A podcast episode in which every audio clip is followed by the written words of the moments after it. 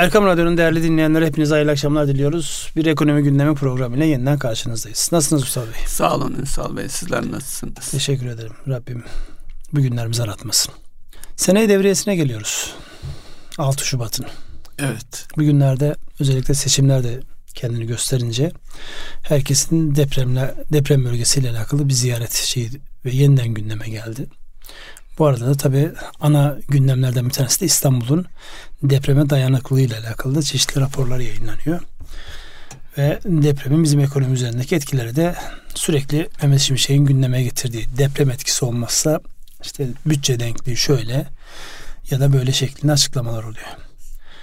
Şu anki bütün yoğun gündeme, uluslararası gündeme, yurt içi gündemine, Merkez Bankası geçen hafta ki kararlar, Avrupa Birliği'nin, Fed'in kararları. Bunların hepsini birlikte değerlendirdiğimizde ilk şu konuyu konuşalım dediğiniz bir başlığınız var mı? Ee, sürekli olarak gündem eksik olmuyor. Bunların elbette içerisindeyiz.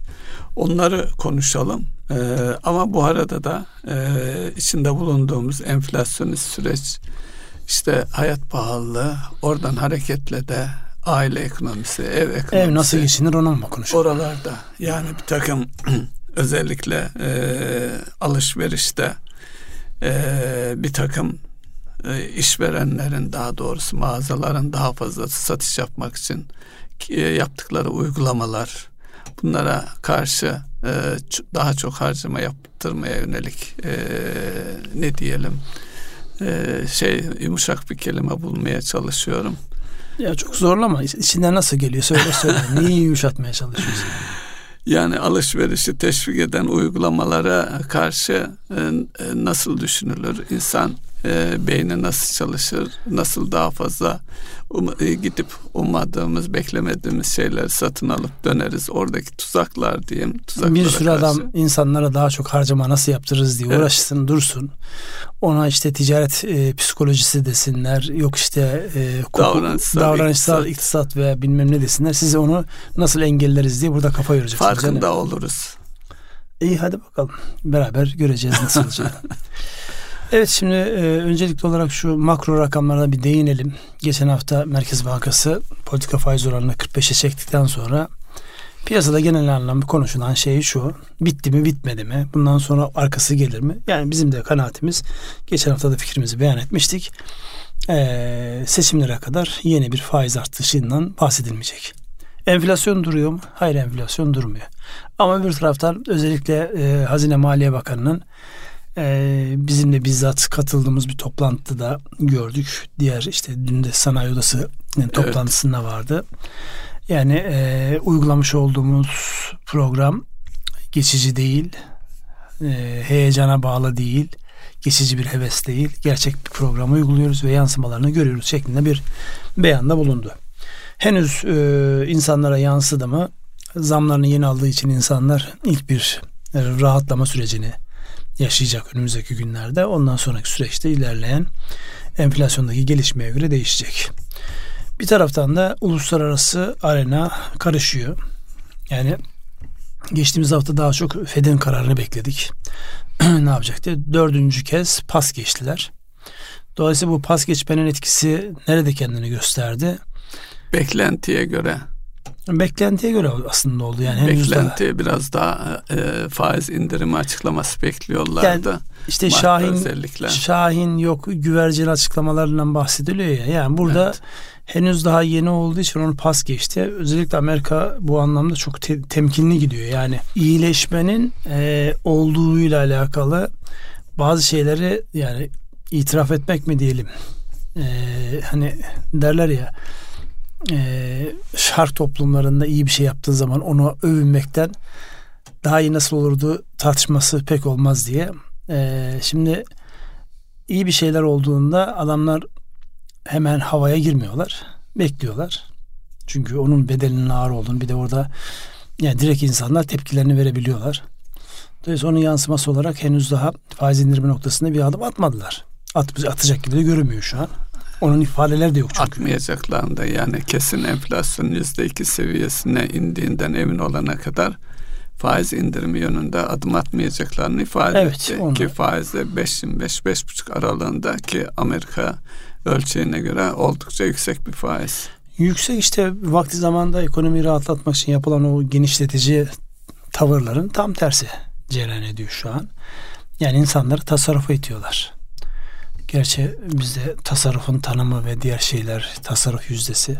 Geçenlerde yine benim dikkatimi çeken şeylerden bir tanesi Mehmet Şimşek'in Türkiye'deki tasarrufun 20'lerden 30'lara çıktığına dair bir şey söyledi. Allah dedim ne zaman yani biz tasarruf eğilimi çok yüksektiyiz. Tam tersine gırtlağımıza kadar kredi kartları kullanan, gırtlağımıza kadar bize açılan taksitli imkanları e, dan yararlanmaya çalışan bir tavırda eğer tasarruf eğilimi %20'den 30'a doğru depreştiyse, döndüyse bu da önemli bir şey. Ellerindeki veriler tabii bize göre daha derin ve detaylıdır diye düşünüyoruz. Neyse devam edelim. Makro veriler itibariyle Merkez Bankası'nın özellikle kredi, mevduat e, ve diğer hususlarla alakalı sizin ilave edeceğiniz bir şey var mı? Ee, yok e, istatistikler açıklandı. Ekonomik güven endeksi e, 96,4'ten 99,4'e çıktı. Bunun yüzün üzerinde olması e, iyiye işaret. Onu da e, vurgulayalım. E, alt e, kalemleri geçen haftada ifade etmiştik. Özellikle tüketici güven endeksinde e, geçen ay itibariyle 77.4'ten 80.4'e bir gelişme vardı. Aşağı yukarı tüm endekslerde e, pozitif yönde ilerlemeler vardı. Bununla ilgili bir şey söylemek ister misiniz? Onunla ilgili çok fazla bir şey söylemek istemiyorum ama bir taraftan Türkiye'nin gündeminde özellikle dövizin burada kalmasıyla alakalı Merkez Bankası rezerv eritici bir şey yapıyor mu yapmıyor mu tartışmaları sürüyor ya bir taraftan. Onunla alakalı e, bir haberin uzantısı olarak bir yıllık perspektifte altın rezervi, brüt döviz rezervi ve e, toplam rezerv konusundaki rakamlara baktığımızda geçen senenin Ocak ayında e, toplam rezervimiz 127 milyar dolarmış.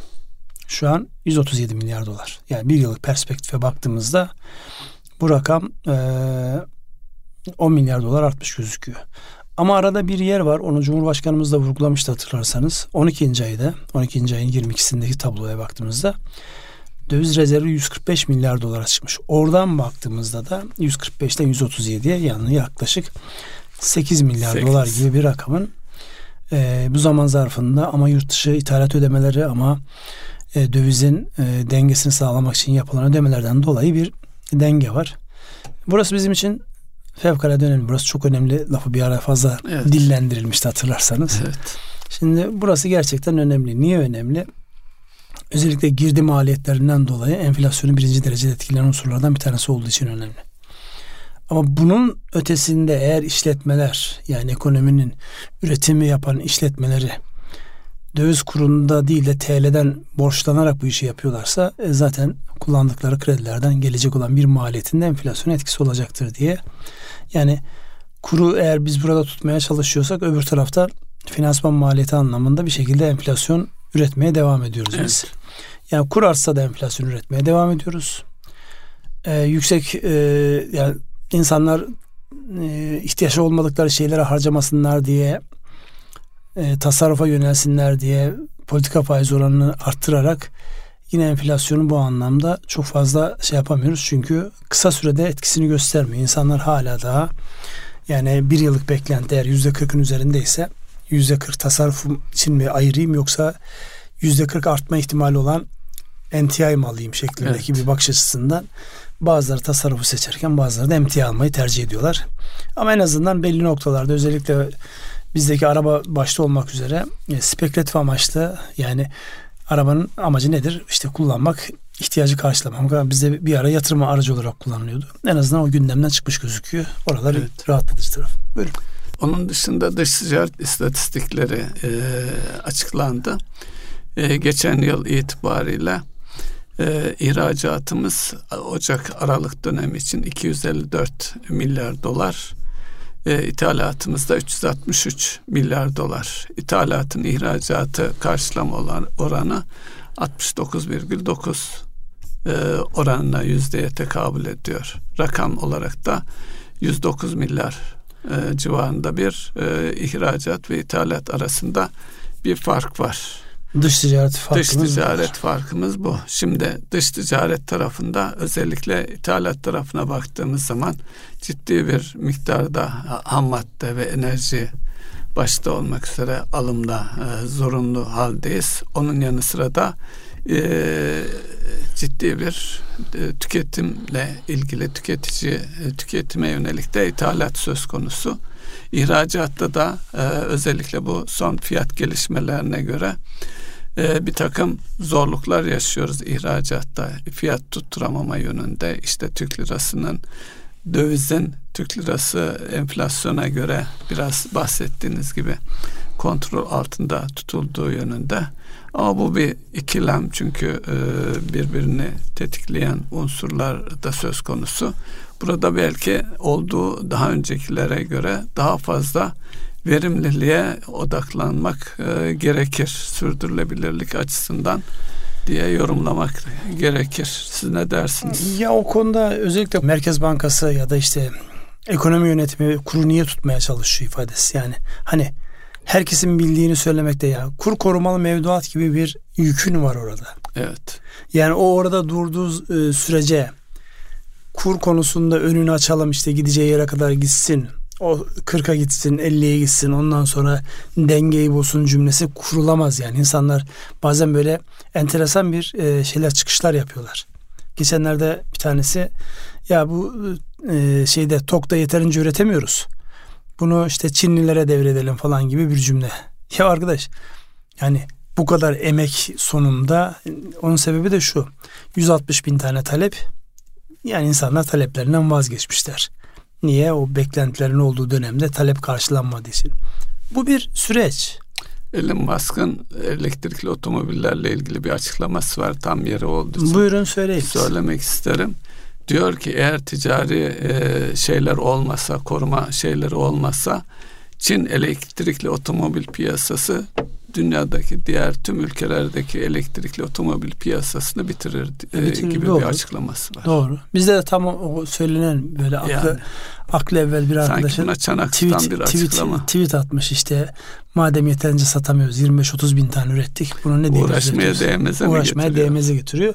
Aynı kafa yani evet. burada uğraşmaya değmez orada uğraşmaya değmez. Bu sefer geleceğin ekonomisini ıskalıyorsun. Evet. Ondan sonra da şundan şikayet etme şansı Burada yok. Burada bir yetenek var. Yeteneği e, göz ardı ediyorsun. Bir de bir Sıfırdan yetenek... bir otomobil üretmek çok önemli bir yetenek ve üstelik örneği olmayan elektrikli yani e, içten yanmalı üretiyor olsan hadi bilinen bir teknolojiyle hareket etmiş olursun. Ya burada işte temel yaklaşım şey yani geleceğin yeteneğini edinmek için bir bedel ödemek gerekmez mi? Bedel ödemediğin hangi şey kalıcı olabilir ki? Dolayısıyla o bedel ödeyerek bir yetenek kazanıyorsun. Ekonomik anlamda istenen sayılara ulaşmamış ya da işte karşılığını göremiyormuş. Henüz o talepler düşmüş. E, tamam. Bir kere şu kamuyla alakalı yani tam anlamıyla e, gerçekten Türkiye'nin ihtiyacı olan araçların kendi üretimimizle karşılayacağız noktasında net bir karar alınabilse o talep inanılmaz önünde durulmaz zaten. Sadece kamuya bile yetiştiremez yani. Aynen öyle. Dolayısıyla bazen insanlar konuşuyor da niye konuştuklarını bilmiyorlar. Bizim de bugün enerjimiz düşük. Niye onu da anlayamadım yani. Sebebi ne ola ki? Bilmiyorum. Neyse düzelir inşallah. Onun haricinde baktığımızda işte ee, Avrupa... KKM'de de gerileme var. Ee, son rakamı. Buyurun söyleyiniz. Ee, iki buçuk trilyona inmiş durumda. 40 e, küsür e, milyarlık bir gerileme var. Bu zaten yenileme e, imkanı da kaldırıldığı için evet. tedricen aşağı doğru gidecek. Dolayısıyla Merkez Bankası üzerindeki yük de e, sıfırlanacak bir noktadan sonra artık sanıyorum yıl sonunu bulur veya geçebilir. Valla ekonomi yönetimi de her şey yani bir matematiksel bir denge içerisinde gidiyor. Bir tarafa bu ağırlığını verdiğin zaman öbür taraf patlıyor. Onun için bu dengeyi gözetmek zorundayız. KKM bir ara hatırlarsanız yani 100 milyar doların üzerinde yani şu anki rakamlarla konuşacak olsak 3 trilyonun üzerindeyken daha aşağı geldi rakamlar. 2,5 dediniz değil mi? Evet. Yani dolayısıyla burada bir gerileme var.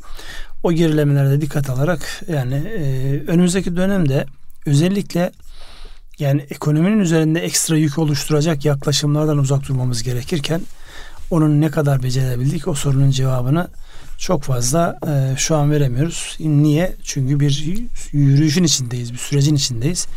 Bu süreç sonun sonuçlanıncaya kadar bu devam edecek. Devam edelim o zaman. Ee, başka e, başlıklar yok ise şayet. İstatistiklerden tekrar nelerin üstünden geçebiliriz? Şöyle bir e, bakayım. Ekonomik güven endeksinden bahsettik. Ee, ana hatlarıyla önem arz eden burada gele ifade etmek gerekir dediğimiz başka bir istatistiğe gerek yok Ünsal Bey. İstatistikten ziyade ben notlarıma şimdi baktım ne dikkate almışım diye bir şey var. Ee, et tüketiminde bir azalmadan yani haberlerden bir tanesini yani burnundan bahsedilebilir şeklinde çünkü birazdan ev ekonomisine gireceğiz ya. Evet. Yani insanların sağlıklı beslenebilmesi için en önemli besin e, unsurlarından bir tanesi olan et konusunda yani bir e, gerilemenin yaşandığından bahsediliyor. 5 yıl içerisinde 47 kilodan 43 kiloya tüke- geri gelmiş e, tüketim. Dolayısıyla yani önümüzdeki e, zaman zarfında yani bir tarım ekonomisi olmamıza rağmen dünyanın en pahalı etini tüketiyor olmaktan dolayı o da tedbir alması gereken hususlardan bir tanesi deyip not olarak düşelim. Çünkü ev ekonomisinde de özellikle zorunlu ihtiyaçları karşılandıktan sonra et zorunlu ihtiyaç mıdır? Evet zorunlu ihtiyaçtır. Evet. Kırmızı etle karşılayamıyorsanız onu beyaz etle karşılamak zorundasınız ya da balıkla karşılamak evet. zorundasınız. Balık konusuna, konusuna hiç girmiyorum. Hamsinin bile kilosu e, artık yüzlü, yüzlü, iki yüzlü rakamlarda dolaştığı bir ortamda yani e, işte kaldık tavuğa. Tavuğun e, kilogramı biliyorsun e, 70-75 lira bandında. Orada işte bir e, insanların protein ihtiyacını karşılama noktasında çok şükür hala tavuğun fiyatları ucuz yani. Orada da anormal bir şey yaşamıyoruz. Burada e, sabit ve değişken giderlerdeki artış söz konusu. Özellikle e, yani fiyatların e, etten bahsettiniz. Şimdi e, et dolayısıyla tüketim azaldığına göre kasapların et satışı da azaldı. Bunların kirası, e, çalışanın, e, kasapların ücretleri bunlara dikkate aldığımız zaman daha az sattıkları halde e, daha fazla bedel maliyet ödemek durumundalar. Dolayısıyla bu da fiyatları aşağı değil yukarı doğru yukarı doğru tel, ya o gideri yani bütçe mantığıyla baktığımızda önce gidere göre bütçe yapılır. Gelire göre bütçe yapılmaz. Giderinizi korsunuz ortaya. Evet. Ondan sonra bunu karşılayacak geliri nereden elde edeceğim dersiniz. Şimdi kasaplar da eğer bu anlamda modern anlamda bir işletme olarak yönetiliyorlarsa önce giderleri koyup üzerine de kendi hayatlarını nasıl idame ettirecekleriyle alakalı e, ilave rakamı koyarak benim şu kadar elde etmem lazım. Onu nereden elde edeceksin? Etin fiyatından yukarı getirmen gerekiyor. Dolayısıyla yani satışların azalmış olması işte talep yok burada. işte fiyatları düşüklüğüne yansımıyor hiç fiyattan aşağı geldiğini görmediğimiz için dolayısıyla bu nereye yansıyor? Fiyatın üzerine konacaktır. Dolayısıyla o giderleri karşılayacak bir gelir kalemi ya da farklı yollara deniyor olabilirler. Bilmiyorum şu an aklıma çok fazla bir şey gelmedi bu konuyla alakalı. Evet. Şu da var. E, yani eleman kaybediyor olabilirler ama e, hele hele o market yönetiminden hatırlıyorum en sıkıntılı e, işlerden bir tanesi marketlerde kasap et Reyonu. Evet et reyonu. Niye? Anlayan yok. Anlayan yok. Firesi Ve çok. Orada e, istediğiniz satış yapabilmeniz için eti anlayan birinin eti hazırlaması çok önemli. Evet, aslında bu evet. yetişmiş nitelikli insan e, problemi her yerde karşımıza çıkıyor. Bunu nerede görüyoruz? Özellikle yani ulusal market olmayıp da semt market olanlar ve insanlar tarafından tercih edilenlere bakıyorsunuz. Bir markete gitme gerekçesi meyve sebze reyonundaki eskiden manavlık yapmış bir adamın orada, orada durması. esnafça bir duruşu. Evet. Gelen insanlarla konuşması, şunu tavsiye etmem, şunu alın demesi ki yani normal şartlarda şeye uymamakla beraber. Mesela o o şeyin marketin e, rakiplerine göre daha çok müşteri çekmesini sağlayan unsurlardan bir tanesi. Yani Hatta biz bunu bile değerlendirememişiz. Abi ne lazımsa ben yardımcı olayım dediği zaman zaten anlamıyorsanız o anlıyor. En iyi şeyler neyse seçip e, ihtiyacınızı İnşallah görüyor. öyledir. Yok, Çok benim, o, o konuda benim gittiğim markette tamam. böyle Mehmet diye bir çocuk var e, hallediyor sağ olsun. Tamam yani eğer gerçekten abi e, ne lazımsa ben halledeyim deyip de gerçekten hallediyorsa evet. öp başına koy tut bir köşede. Abi ben halledeyim deyip bütün böyle e, güzellerin yanına üç tane de e, yok, çürüyü yok. çakıyorsa orada artık Allah yardımcın olsun. Evet ev ekonomisine geçelim mi biraz yani bu Evet. bizim ekonomimiz enerjimiz ekonomimizle beraber ne hikmetse biraz böyle yavaşladı. Hadi bir gidelim bir 25 dakikamız var. 25 dakika ev ekonomisiyle alakalı. Ev ekonomisi deyince aklınıza ne geliyor Mustafa? Şimdi e, bir evin ihtiyaçları var. Bir de e, geliriniz var.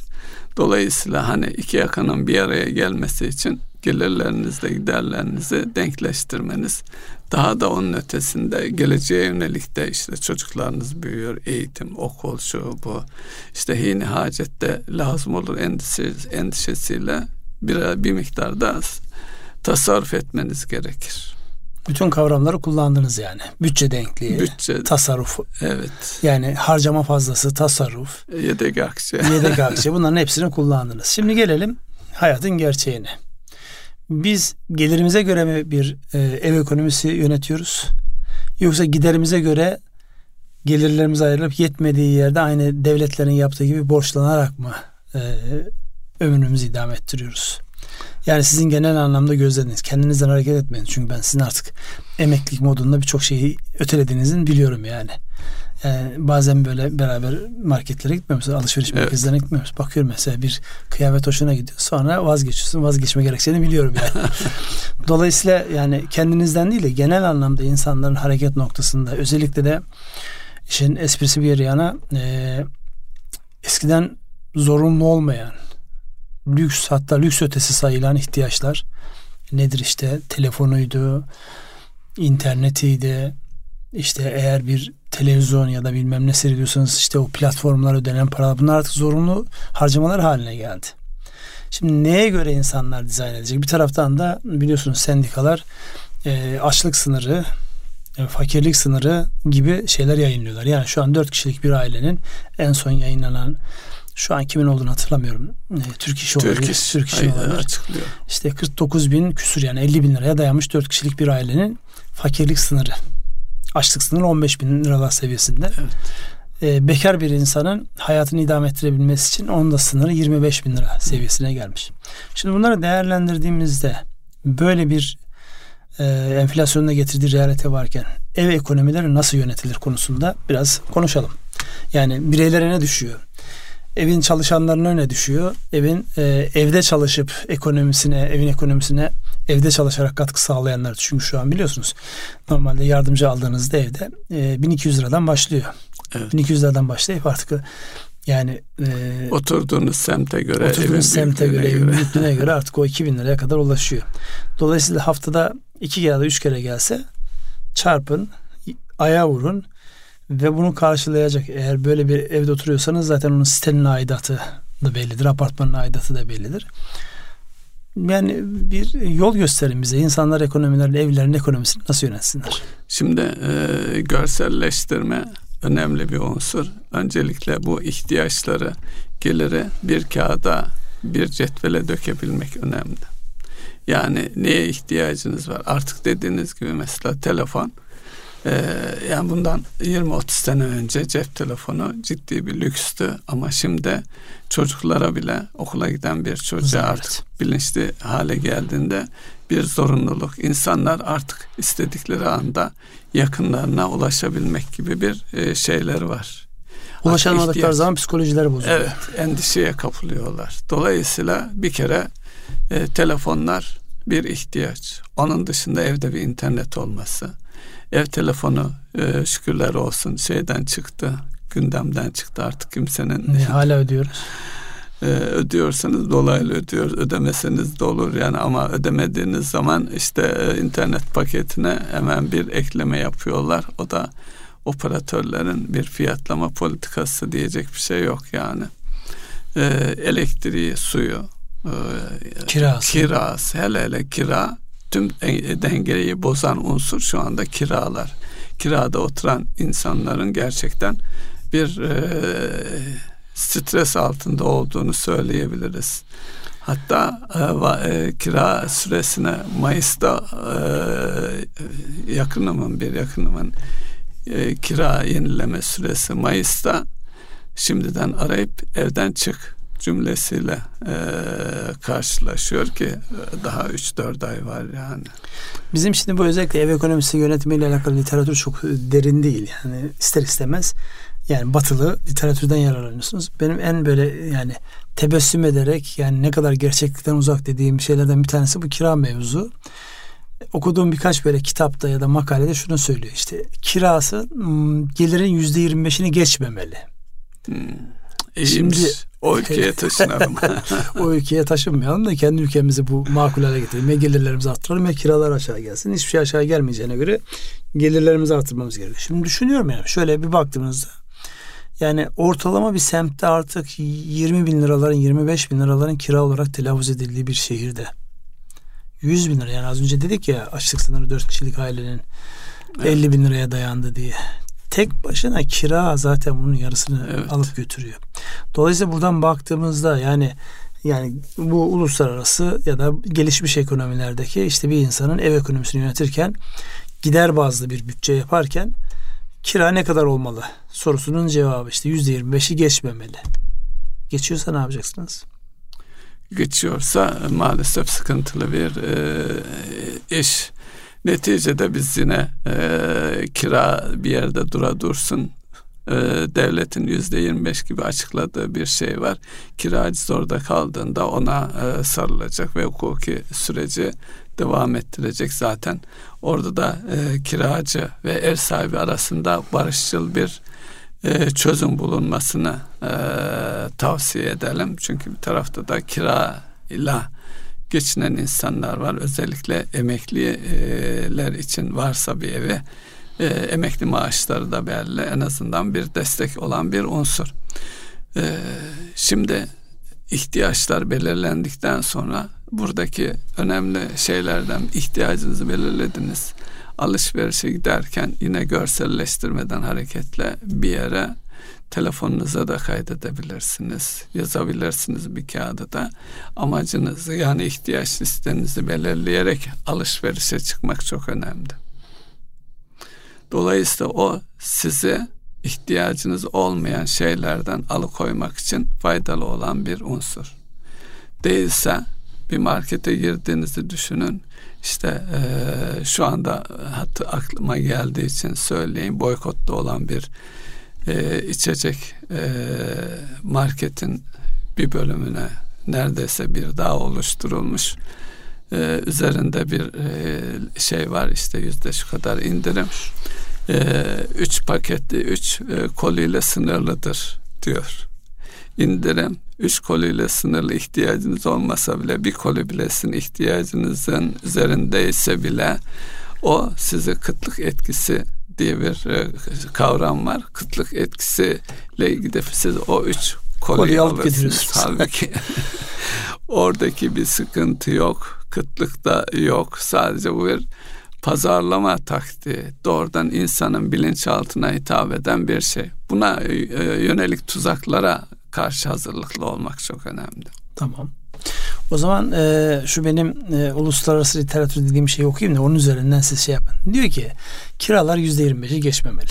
Tamam. Sonra market alışverişi yüzde yirmiyi geçmemeli. Topladık ne oldu? 45 etti. Tamam. Fatura giderleri aylık gelirin yüzde on dördünü geçmemeli. Ne oldu? 45-59. Devam ediyoruz. Ulaşım giderleri yüzde on beş, yetmiş dört. Kişisel bakım ve diğer şeyler yüzde sekiz, seksen iki. %10'da tasarruf edin diyor. 92. 92. 8'i de diyor tatil için ayırabilirsiniz hmm. diyor. Eğlence. Bu tamamen böyle şey diyorum ya gelişmiş ekonomiler için yazılmış bir şey. Şimdi geliyoruz bizim gerçeğimize bakıyoruz. Yani dört kişilik bir ailede anne babanın yani eşlerin çalıştığını düşünelim.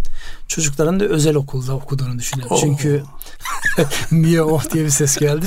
o oh dedi. o oh, oh dediniz.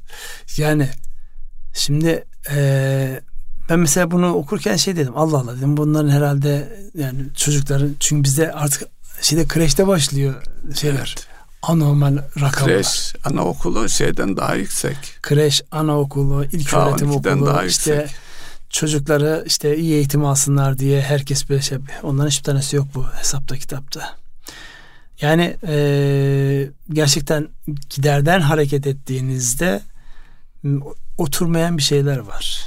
Ve ben şu an insanlarla konuşuyorum. Özellikle çalışan insanlarla konuşuyorum. Ciddi ciddi yani tam bu dönemde okulların e, yani bir sonraki dönemin ücretlerin belirlendiği dönem ya. Evet. Yani insanlar ciddi ciddi baskı altındalar yani. Ee, neyimiz var neyimiz yok işte çocuğumuz eğitim alsın diye çocuklarımız eğitim alsın diye o tarafa doğru kanalize ediyorlar ve birçok şeyden vazgeçiyorlar. Mesela evet. Ben birçok çalışanın şeyini yaparken bu sene tatil yok bize. Tatile işte Allah'tan annem işte babam köyde oturuyor. Orada gider bir hafta kalırız. Çocuklar biraz çocuklara biraz değişiklik olur. Türünden şeylere giriyoruz. Dolayısıyla yani burada yani şöyle bir anlam çıkmasın. Yani bu hepimizin problemi. Bu işte hükümetin ya da bilmem neyin değil. Şu an geldiğimiz nokta hepimizin yani yaşamını kaliteli bir anlamda devam ettirebilmesi için karşı şey oldu ve yönetmesi gereken bir husus. Onun için özellikle rakamlarla bugüne kadar biraz bizim iş adamlarında da var ya o e, saymıyorlar bereket kaçmasın diye e, sayarak hesaplayarak yani bereket içinde dua ederek ve gayret ederek bereketi oradan çalışmaktan arttırmak lazım. Rahmetli Osman abinin şey vardı ya e, işten, dişten artmaz işten, işten artar, artar diye. Dolayısıyla dişimizden artarak sağlığımızı saatimizi bozmak yerine işimizi arttıracağımız e, giderlerimize göre gelirlerimizi arttırabileceğimiz bir yapıyı nasıl kurgularız ona kafa yormamız icap ediyor. Yoksa öteki türlü yani ee, hani iktisatta şey var ya sonsuz ihtiyaçlar ve sınırlı kaynaklar diye. Yani orada sonsuz ihtiyaçlar lafı tabi e, itikaden sakat bir kelime olmakla beraber.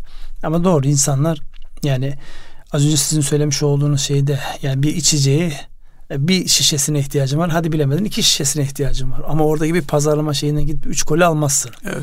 Ama öyle bir şeye getiriyor ki onun sonsuz bir ihtiyaç yani almazsan kendini kötü hissedersin şeklindeki bir ihtiyaca dönüştürüyor. O da pazarlama psikolojisi. Onun da dahileri ve oraya kafa yoranları var.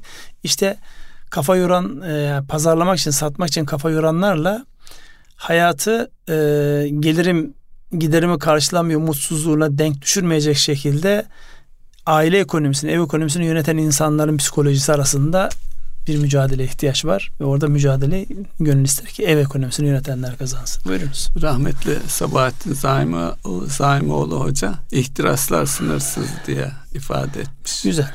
İhtiraslar sınırsız evet. doğru.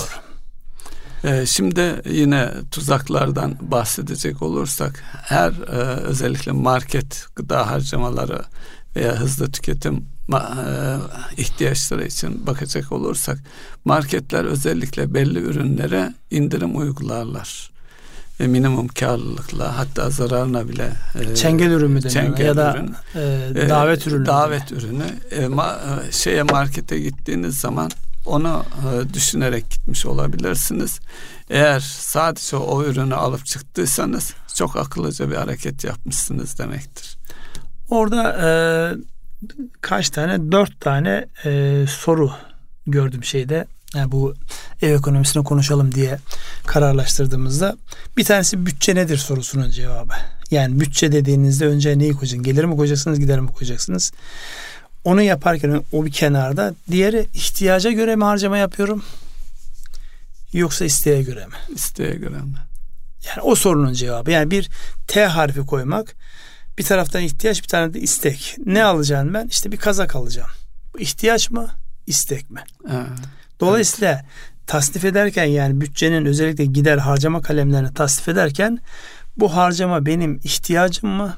İsteğim mi diye karşısına bir not koymakta. O isteğe bölümü ikiye ayrılabilir mi? Bir benim isteğim bir de tezgahların isteği diye. ayrılabilir tabii ki yani. Tezgaha gelmemek açısından evet. tezgahların isteğini de bir kırmızı kalemle yazabiliriz. Bir diğer husus e, bunu yaparken birikim yani tasarruf diyeceğimiz bir şeyi öngörecek miyiz? Nihayetinde bu bütçe denkliğinde acık fazla versin ve ben bunu da tasarruf edeyim gelecekteki işte zor zamanlarda lazım olur. Sadaka veririm, zekat veririm ya da ihtiyacı bir ihtiyaçlarının ihtiyacını karşılarım türünden bir fazla veriyor muyuz? Yoksa ekside mi gidiyoruz? Ki şu anki temel problemlerden bir tanesi özellikle bu kredi kartları ki oradaki biliyorsunuz kredi kartlarında ödenmeyen kısımların tabi tutulan finansman maliyeti inanılmaz boyutlara ulaştı. Evet. Yani 3.95 yani arttırılmadı 3.95 diyor ama 3.95'i bir finansçısınız. Siz ee, çarpın bakalım e, neresi çıkıyor. bakın. Yani basitinden gittiğinizde 48 bileşinize gitti 70 60 neyse şu an hesap evet. makinesi yok. Korkunç rakamlar bunlar. Yani Çok büyük rakamlar. Bir kere ıskaladığınızda yani gelir gider dengenizi bozup da ödemeniz gereken miktarı asgarisini ödeyip geri kalanını taksitlerini ya da finansmana denk düşürdüğünüzde geçmiş olsun. Evet. O sarmala girer. Dolayısıyla orası çok önemli yani. Birikim o. Onun için mesela ben mesela Almanya'da çok şaşırmıştım. Şu anki güncel durumunu bilmiyorum. Epeyden beri Almanya'ya gitmiştim yok. Böyle hani çocuklar böyle yüklendim. Aldım geldim böyle tezgah kredi kartını uzattım. Bu ne dedi tezgahtar? Kredi kartı dedim. Yani uluslararası geçerli olan bir kredi kartı. Burada kredi kartı geçmiyor dedi. E ne yapacağım dedim. Şurada dedi ATM'ler var. Git orada ne kadar şey ATM'lerden de yani benim aldığım işte geçmiş zaman atıyorum 400 euroluk bir şey ise ATM'den 100 euro çekiyorsun. Bana 300 euroluk kısmını bıraktırdı. kredi kartı geçmez burada. Mesela orada şaşırmıştım yani. Alman ekonomisi. Evet. Teknolojiyi çok iyi kullanıyorlar. Mekanikte dünyanın işte en iyileri. Yani yazılım dijitalde o kadar şey değil ama bilinçli olarak bir kere o pasaj sistemi hala devam ediyor. Dükkan dükkan hala devam ediyor. Ve kredi kartlarına o kadar iltifat etmiyor olman o zaman diyorsun ki Alman ekonomisi niye tasarruf seviyesi yüzde altmış yüzde yetmişlerde o zaman anlıyorsun. Seni her adımda satıcısı da evet, ekonomi ona göre kurulmuş. Ona göre dizayn ediyor. Yani ekonomiyi büyütmeyi tasarruf üzerinden öngörüyor. Ya burada e, özellikle harcamalar anlamında baktığımızda yani bir ipuçları var. O ipuçları da harcamaları yaparken yani gelecekle alakalı bir ince hesabımız var mı yok mu yoksa ya şu anki işte o az önce söylemiş olduğunuz e, Sabahattin Hoca rahmetlinin söylediği gibi hırslarımıza mı kurban gidiyoruz ona iyi bakmak icap eder diye ben de ev ekonomisiyle alakalı not düşmüş olayım. Evet. E, bir de evin içerisindeki e, hane halkının birbirini gaza vermemesi. Yani evet.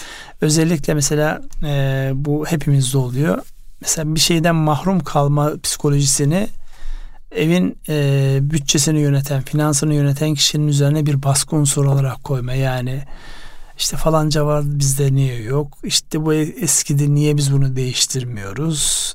Ekonomik ömrü bitmemiş olan şeyleri sanki değiştirmezsek işte koluya kolu komşuya, çoluk çocuğa şeye etrafa rezil oluyoruz. Bu psikolojiden bir şekilde bizim kendimizi bertaraf etmemiz lazım. Özellikle ben mesela e, en önemli şey eskiden insanların bir ya da iki tane şeyler olmuş. Yani kıyafet anlamında alternatifli olmuş. Şimdi ayakkabılardan, gömleklerden, evet. kazaklardan, ceketlerden geçilmiyor. Sadece ev ekonomisini yönetmek anlamında hepimiz için geçelim. Kimseye burada akıl veriyor değil. O gardıropları açıp bir bakmak lazım. Alışverişe eğer kıyafet alacaksanız alışverişe gitmeden önce bakın. Evet. Şu üstündeki kazağı görüyor musunuz? Aynısından mı Hayır. E, bunu tesadüfen buldum ve giydim yani bugün. He. Aklımda yok böyle bir kazamın olduğunu bilmiyordum. Ha yani. unutmuşsun. Evet. İşte varlık böyle bir şey. varlık böyle bir şey. Eğer siz e, yani Allah tabi geri bırakmasın, gördüğümüzden geri bırakmasın. Ama bir de o var işte. Yani biz e, alternatifler çoğalınca neyimizin olduğunu da unutuyoruz. Onun için burada yani insanların her anlamda ölçülü hareket etmesi icap eder. Evet. Yani biz e, şimdi son dönemde özellikle bu farklı böyle hani zenginlerin, zengin ekonomilerin ya da zengin ülkelerin hikayesi gibi geliyor ama özellikle bu karbon salınımı, tüketim. E, dün bir video seyrediyordum.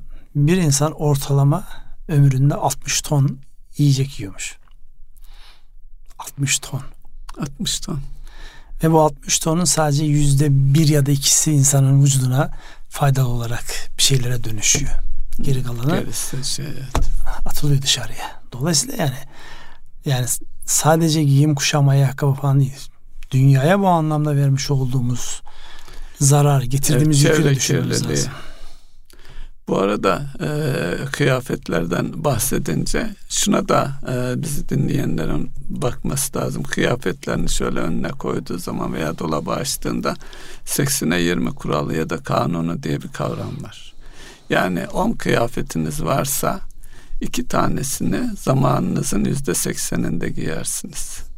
Sekiz tanesinde zamanınızın yüzde yirmisinde giyersiniz. Bir diğer ifadeyle aldığınız kıyafetlerin büyük bir bölümünü çok az kullanırsınız.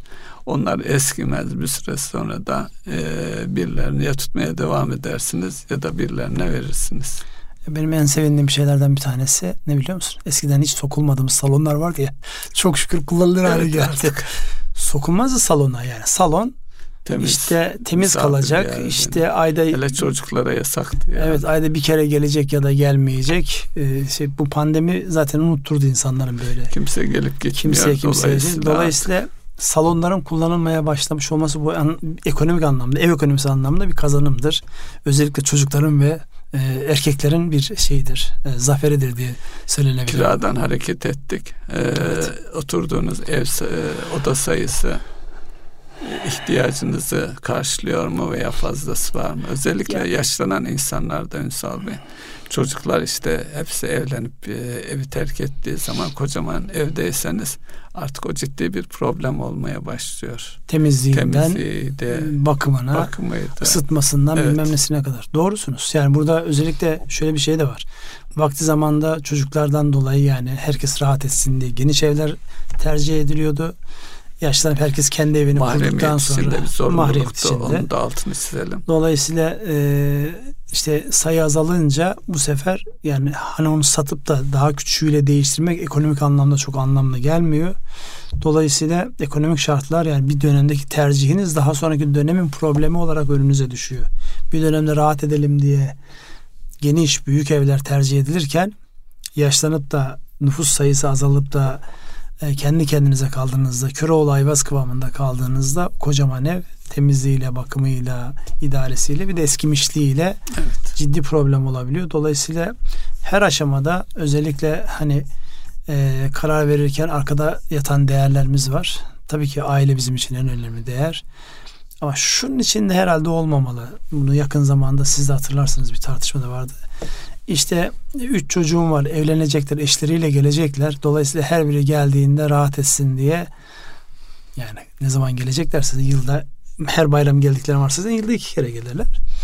Dolayısıyla böyle geniş mekanlar, geniş şeyler olmayan ihtiyaçları zaruri hale getiriyor. Öyle bir ihtiyaç yok aslında. istek o. Az önce söyledik ya istek mi Evet, ihtiyaç istek. mı? İstek ihtiyaca dönüşüyor. Dolayısıyla bu sefer de ilerleyen zamanda aynı gelir seviyesinde devam edemiyorsanız ciddi problemler haline geliyor. İşte onu nereden anlıyoruz? Boğaz'daki e, paşa yalılarının hiçbir tanesi şu an ailede değil. Evet. Çünkü vakti zamanında o gelirlerin olduğu dönemdeki elde edilen şey daha sonra devam ettirilemediği için onlar çıkıyor. Ya o kadar abartılı yere gitmeyelim ama yani bunu düşünerek de hareket etmekte fayda var. Bugün baya bir şey yaptık yani dinleyenler bize epey bir laf edecekler haberin olsun. E, şunu da ifade edelim. E, okuduğum bir araştırma şu anda kaynağını tam e, ifade edemeyeceğim. Şunu iddia ediyor. Her koşulda diyor sizin harcamalarınızı dikkate alın. Bunun üzerinde çalıştığınız zaman çalıştığınız zaman asgari yüzde on daha e, bunu ucuza karşılayabilirsiniz. Tamam. Market harcamasından tutun tüm harcamalarına gerçekten de bakıldığı zaman olabilir. Sadece marketlerin indirim kampanyalarına bakıp sadece indirimli ürünlerle hareket etmek tabi zamanınız var mı diyeceksiniz de evde birilerinin zamanı olabilir veya aylık bir sürece bakarsanız bunlara eğilmek için zamanınız olabilir diye düşünüyorum. O zaman biz şu ev ekonomisinden madem bahsettik yani en azından finansal okuryazarlığa da katkı sağlaması anlamında şunu söyleyelim. Yani bir T harfi çi- çizilsin. Bir tarafına gelirler, bir tarafına giderler yazılsın. Tercih kişiye bağlı değişir yani bunun. İlle de muhasebedeki e, sağ sol diye yazmaya gerek yok. Borç alacak yazmaya gerek yok. Bir tarafa gelirler yazsınlar, bir tarafa giderler yazsınlar. Gelirleri sonra giderleri altta onların denk olmasına. Eğer gelirler giderlerden fazlaysa fazla olan kısma tasarruf desinler. Eksikse onu nereden karşılayacaklarıyla alakalı. Yani birileri hibe etmeyeceğine göre, birileri bağışta bulunmayacağına göre o muhakkak bir borçlanılarak yapılan bir şey ya da daha önceden biriktirilmiş bir şeyin bu bir altın olabilir, döviz olabilir, bir araba satışı olabilir, ev satışı olabilir. Bununla karşılandığını ve bunun sürdürülemez olduğunun farkına varsın insanlar. Ona göre Buraya bir ekleme yapabilir miyim? Buyurunuz. bu e, T'ye e, eğer kredi kartının asgarisini ödüyorlarsa ödedikleri finansman giderini de yazsınlar. Evet, finansman gideri önemli çünkü genellikle gözden kaçıyor. Bir müddet sonra finansman gideri kredi kartının tamamı oluyor. Yani ödediğiniz tutar kredi kartının daha önceki yapmış olduğunuz harcamalarla ilave hiçbir harcamanız yok. Ama kart limiti hınca hınç dolu. Evet. E bir de e, özellikle son dönemde bankalar e, ticari kredilerde istedikleri performansı ya da o risk almak istemedikleri için kart limitlerini de yani sınırlamalar olmasına rağmen arttırıyorlar. O da bir e, gözde bir yanılmaya, zihinde bir yanılmaya sebep oluyor. O konuyu da maksimum ölçüde dikkat etmek ev ekonomisini yönetmek açısından önemli olur. Biz bundan sonra herhalde ev ekonomisini çokça konuşacağız öyle gözüküyor. Bilmiyorum bugünkü e, programın geri bildirimini keşke alabilsek. Ya say biz bir şey söylesek de bize bir geri bildirim yapsalar. Dinleyenler memnun değillerse memnuniyetsizlikler, memnunlarsa da çevrelerini söylesinler. Aslında bir Ne anlatır? adresi falan mı versek Onu bir haftaya düşünelim biz. Evet. Haftaya düşünelim oradan insanları dinlerken en azından yani şimdi şey gibi oluyor biraz. Duvara karşı konuşmak gibi oluyor. Yani biz bize konuşuyoruz da Evet. insanlar ne düşünüyor? Biz bunları konuşurken yüz ifadeleri nasıl? Gene yani hoş görsünler. Saçmalıyorlar mı diyorlar. Ha ne güzel şu konuya mı değindiler E, diyorlar. Çünkü değerli zamanlarını alıyoruz bir Evet. taraftan. Evet evet. Bitti mi diyorsunuz? Buyurun. Erkam Radyo'nun değerli dinleyenleri bir ekonomi gündemin programında ağırlık olarak ev ekonomisini konuşmaya çalıştık. Finansal okuryazarlığın eve yansıyan kısmı hepimizin bugünlerde fazlasıyla gündeminde. Bütçesi denk olan güzel günler olsun inşallah. Hayırlı akşamlar. Hayırlı akşamlar.